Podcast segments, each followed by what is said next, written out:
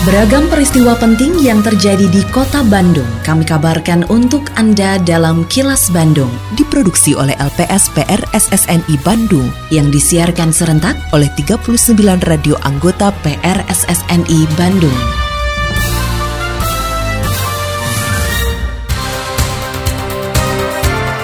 Sejumlah informasi aktual kami hadirkan untuk Anda dan inilah informasi utamanya. Meriahkan HJKB, ribuan warga Bandung ikut fun walk. Pantau fasilitas publik Pemkot Bandung pastikan sejumlah perbaikan. BLT BBM bagi warga kota Bandung mulai disalurkan. Saya, Santika Sari Sumantri, inilah kilas Bandung selengkapnya. Ribuan warga kota Bandung mengikuti kegiatan Fun Walk sebagai bagian dari rangkaian acara Hari Jadi ke-212 Kota Bandung atau HJKB tahun 2022 ini. Saat membuka acara Fun Walk di kawasan Cikapundung River Spot, Jalan Soekarno pada minggu kemarin, Wali Kota Bandung Yana Mulyana mengatakan, setelah dua tahun pandemi melanda dan menghentikan seluruh aktivitas besar, kini warga kota Bandung bangkit kembali. Hal ini karena berdasarkan indikator yang ada, pandemi di kota Bandung relatif terkendali. Yana berharap dengan digelarnya kegiatan ini bisa membuat imunitas masyarakat kota Bandung kembali meningkat dan terjaga kesehatannya.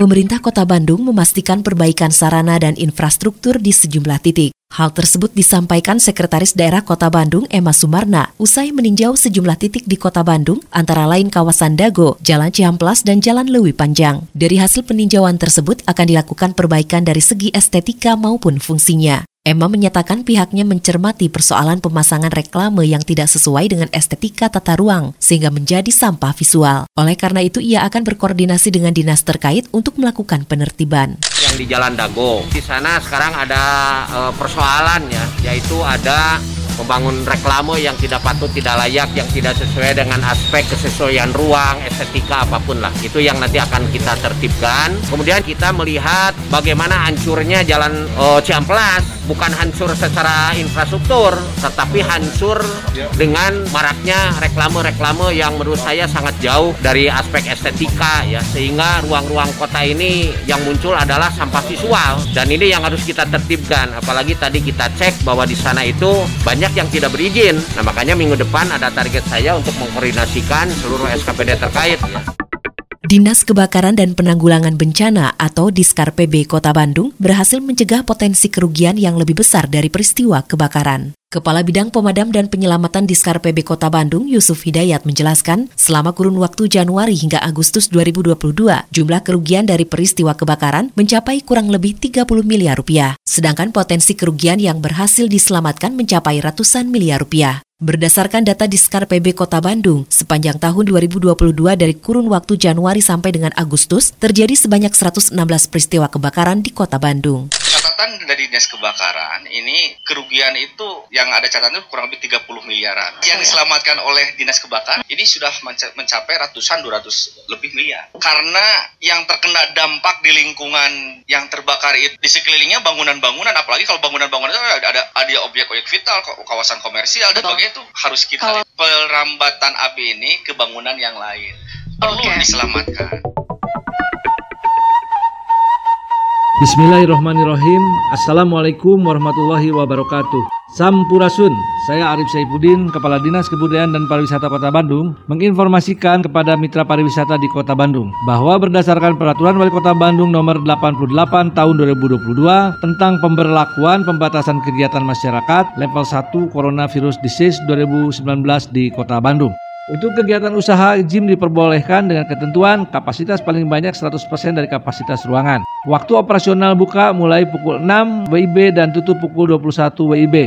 Menerapkan hidup bersih dan sehat serta screening periodik. Wajib menggunakan aplikasi Peduli Lindungi. Setiap orang dengan usia di atas 18 tahun yang masuk ke tempat kegiatan atau usaha panti pijat, refleksi, mandi uap, spa atau masas, kegiatan atau aktivitas event, konser seni, musik, budaya, dan gym wajib sudah melakukan vaksinasi booster.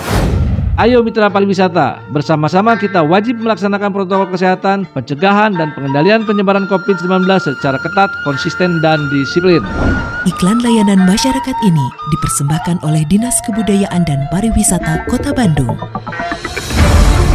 Kini, audio podcast siaran Kilas Bandung dan berbagai informasi menarik lainnya bisa Anda akses di laman kilasbandungnews.com pemerintah mulai menyalurkan bantuan langsung tunai atau BLT kepada sekitar 20,6 juta keluarga penerima manfaat di Indonesia sebagai bentuk pengalihan subsidi bahan bakar minyak atau BBM. Untuk wilayah kota Bandung tercatat sebanyak 76 ribu lebih keluarga penerima manfaat atau KPM yang akan menerima BLT kompensasi BBM. Bantuan disalurkan oleh Kementerian Sosial yang bekerja sama dengan PT Pos Indonesia. Besaran BLT BBM yang diberikan Rp150.000 per bulan selama 4 bulan dari September hingga November yang dilakukan dalam dua tahap. Tahap pertama dilakukan pada September sebesar Rp300.000, sedangkan tahap kedua direncanakan berlangsung pada bulan November sebesar Rp300.000, serta mendapatkan program bantuan tunai sembako sebesar Rp200.000 per KPM. Ketua Satgas Penyaluran BLT Kompensasi BBM Kantor Pos Bandung, Doni Meilana mengungkapkan, proses penyaluran bantuan untuk warga Kota Bandung sudah dilakukan sejak Kamis 8 September 2022. Penyaluran harus selesai selama 10 hari sesuai target dari Kementerian Sosial. Kalau yang dikelola oleh kantor pos Bandung itu ada sekitar seluruh kota Bandung ditambah Lembang sama Margahayu. Kalau alokasinya kita semua sekitar 98 eh 9 ya 98 875. Kalau kota Bandungnya tuh sekitar 65 ribuan. Mantan Wali Kota Bandung, Dada Rosada, dinyatakan bebas murni pada 8 September 2022 setelah dua pekan sebelumnya atau 26 Agustus 2022 lalu dinyatakan bebas bersyarat. Dada Rosada menerima surat bebas murni dari Balai Pemasyarakatan Bandung setelah mendekam selama 9 tahun lebih di Lapas Kelas 1 Sukamiskin Kota Bandung dan melakukan masa bimbingan wajib lapor ke Balai Pemasyarakatan Bandung. Usai menerima surat bebas murni, Dada Rosada bersyukur dan berterima kasih kepada masyarakat kota Bandung yang selalu datang menjenguknya selama di dalam tahanan. Menurut Dada, setelah dinyatakan bebas murni, maka ia kembali memiliki hak dan kewajiban yang sama dengan masyarakat lainnya. Saya mengucapkan terima kasih kepada Allah Subhanahu wa taala bahwa akhirnya saya berikan surat bebas murni. Jadi mulai besok saya mempunyai hak yang sama dengan warga negara yang lain, dengan bapak-bapak. Oleh karena itu, apa yang akan saya lakukan nanti sama dengan bapak-bapak saya tadi mempunyai hak dan kewajiban yang sama. Saya akan memang akan turun ke masyarakat. Sebelum saya berterima kasih pada masyarakat selama saya di Sukamiskin banyak masyarakat yang datang.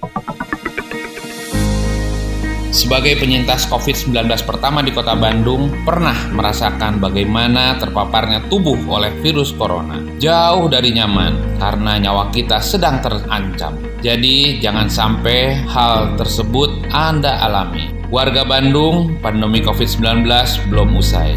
Mari disiplin menggunakan masker, cuci tangan selalu, jaga jarak, dan hindari kerumunan masih menjadi keniscayaan. Mari kita jalankan pola hidup sehat, makan teratur, istirahat yang cukup, dan berolahragalah. Saya Yana Mulyana, Wali Kota Bandung. Atur nuhun. Iklan layanan masyarakat ini dipersembahkan oleh Dinas Komunikasi dan Informatika Kota Bandung. Tetap patuhi protokol kesehatan di masa adaptasi kebiasaan baru untuk memutus penyebaran COVID-19. Selalu memakai masker, mencuci tangan, menjaga jarak dan menghindari kerumunan, serta mengurangi mobilitas agar terhindar dari terpapar virus corona.